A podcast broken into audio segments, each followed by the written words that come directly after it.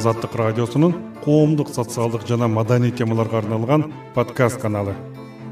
Ачык тайм подкастын азаттык чекит орг сайтынан айтюнс жана google подкаст санарип аянтчаларынан угуңуз.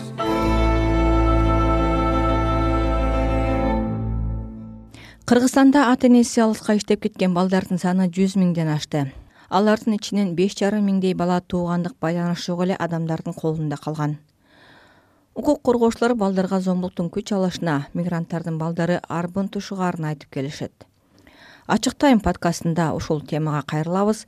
Аты жөнүм замира кожобаева бүгүн жыйырма жетинчи июль эки миң жыйырма экинчи жыл. Ай тийген тоонун тескейи алтыным апам эстейди алтыным апам эстесе ай сайын келип кетпейби күн тийген тоонун тескейи эмгек социалдык камсыздоо жана миграция министрлигинин кызматкерлери жергиликтүү бийлик мүчөлөрү менен кошо кыргызстанда төрт жүз жетимиш алты миң алты жүз сексен бир үйдү кыдырып натыйжада ата энеси мигрант болуп жүргөн жүз миң жүз жетимиш төрт баланы аныкташты. Бул тууралуу эмгек социалдык камсыздоо жана миграция министри кудайберген базарбаев жыйырма бешинчи июлда журналисттерге билдирди төрт жүз жетимиш алты миңден ашык үймө үй кыдыруу жүргүзгөн. Жакындарында калган жүз миңден ашык мигранттардын балдары аныкталган. Алардын ичинде сексен э, миңге жакын баланын ата энеси өлкөдөн чыгып кеткен. Баардык балдар көзөмөлгө алынды жогорудагы расмий маалыматтарда айтылган жүз миңдей баланын ата энеси экөө тең же бири алыс жакта миграцияда иштешет. Бул балдар атасынын же апасынын айрымдары экөөнүн тең мээримине тарбиясына муктаж болуп чоңоюшууда. Андай балдар жалпысынан аймактык социалдык кызматкерлердин жана мектептеги социалдык педагогдордун көзөмөлүндө болушат министрликтин бул маалыматына ишенсек акыркы үч жылда мигранттардын балдарынын саны дээрлик эки жарым эсеге азайган. Эки миң он тогузунчу жылы кыргызстанда ата энеси чет жакта иштеп жүргөн. Эки жүз элүү алты миң бала катталса алардын ичинен жүз он тогуз миң баланын ата энесинин экөө тең эмгек миграциясына кеткени кабарланган. Бирок нукат районундагы мектептердин биринде соц педагог болуп иштеген гүлбара кулматованын азаттыкка билдиргенине караганда ата энеси миграцияга кеткен балдардын саны жыл өткөн сайын өсүүдө мигранттын балдары он жыл мурдага караганда азыр көбүрөөк да биздин мектепте например жети жүздөн ашуун окуучу бар. Ошонун где то эки жүз элүү эки жүз жетимиш бала мигранттын балдары. Алар эми конечно тай энесинин колунда чоң эне чоң атасынын колунда же жеңелеринин же тайжелеринин колунда болот да. Конечно аларда мындай ата энеге болгон курсалык өтө күчтүү да балдардачы алар мындай материалдык жактан обеспеченный болот аларчы бирок ата эненин мээрими баягы үйдөгү обстановкалар алар менен көп сүйлөшөм анкеталарды алам. Ошондо ушу апамды сагындым атамды сагындым деп мындай чоң эле жетинчи сегизинчи класстын балдары да кадимкидей көзүнөн жаш алып атам менен апам менен бирге чогуу жибиз жакшы эме. Мага акчанын дагы кереги жок ушул апам эле болсо болду деп ошондой дейт да кулматованын айтымында ата эне мээриминен тарбиясынан өксүк чоңоюп жаткан балдардын катарын кийинки убакта ата энеси ажырашып кеткен үй бүлөлөрдүн балдары көбүрөөк толуктай баштады. Андай балдар атасына да апасына да бара албай туугандары менен калып кетишет дейт мугалим баланы өзү менен алып келетчи келиндер анан апасына таштап кетет үй кылышың керек. Анан ошондой биздин айылда көп эле ажырашып кеткен келиндер кайра турмушка чыгышып анын балдары короче онун биринчи классы бүткөнгө чейин балдар менен жашайт да. Айне тайтап карашат. Ошондойлор аябай көп да биздечи ошол үйдөгү жумушка полный жардам берет да. Кээ бирлөр мындай даже ошо жеңеси менде бир бала бар. Бирок онун атасы каза болуп калганда анын апасы эмеде да. Ушунчалык баягындай начар кийимдерди алып берет да баягы балагачы.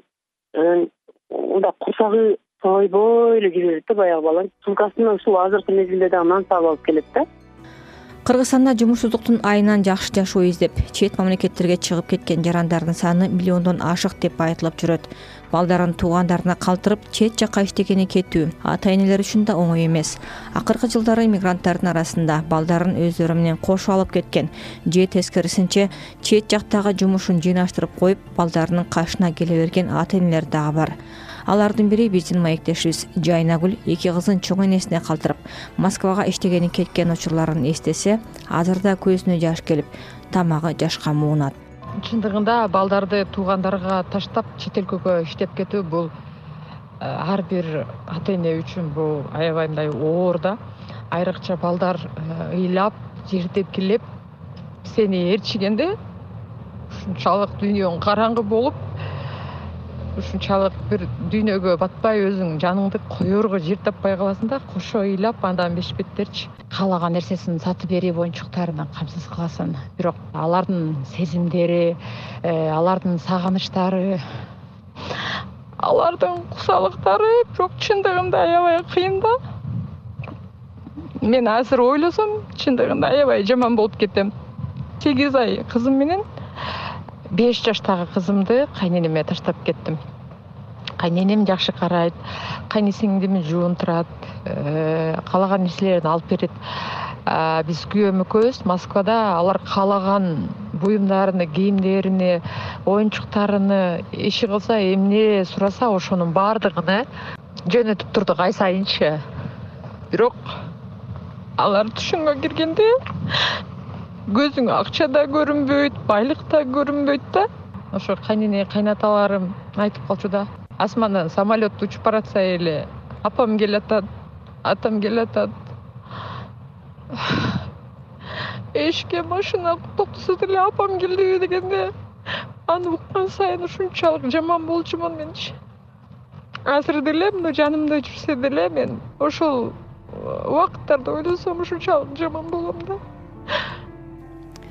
бир нече жыл мурун туулуу аймактардын биринде жоголгон жылкыны издегенин кетип адашып набыт болгон эки өспүрүмдүн ата энеси миграцияда болгон таята тайэнесинин колунда калып таекелери тараптан сексуалдык зомбулукка дуушар болгон чекелектин ата энеси ажырашып апасы орусияга иштегени кеткени аныкталган. Бул сыяктуу бир катар кейиштүү окуялардан соң жергиликтүү бийлик мүчөлөрүнө мугалимдер менен чогуу мигранттардын балдарын тактоо алардын жашоо шарттары менен таанышуу милдети тапшырылган. Кара суу районундагы мектептердин биринде соц педагог болуп иштеген элмира алматованын айтымында мигранттардын балдары мугалимдердин жана соц кызматкерлердин көзөмөлүндө болот мигранттын баласы жашаган үйгө барып тактоо башталган. Айрыкча мигрант кыз балдар жашаган үйдө кимдер жашайт. Кимдин колунда тайта тайненинби тага менен тайжаненинби же тейже менен жезденин колундабы кимдердин колунда. Ошолордун аты жөндөрү толук анан ошол кыз балдар жашаган үйдө канча эркек адам жашайт. Кандай абалда үйдөгүлөр ичеби ичпейби ушулардын баары такталган да такталып таштаган.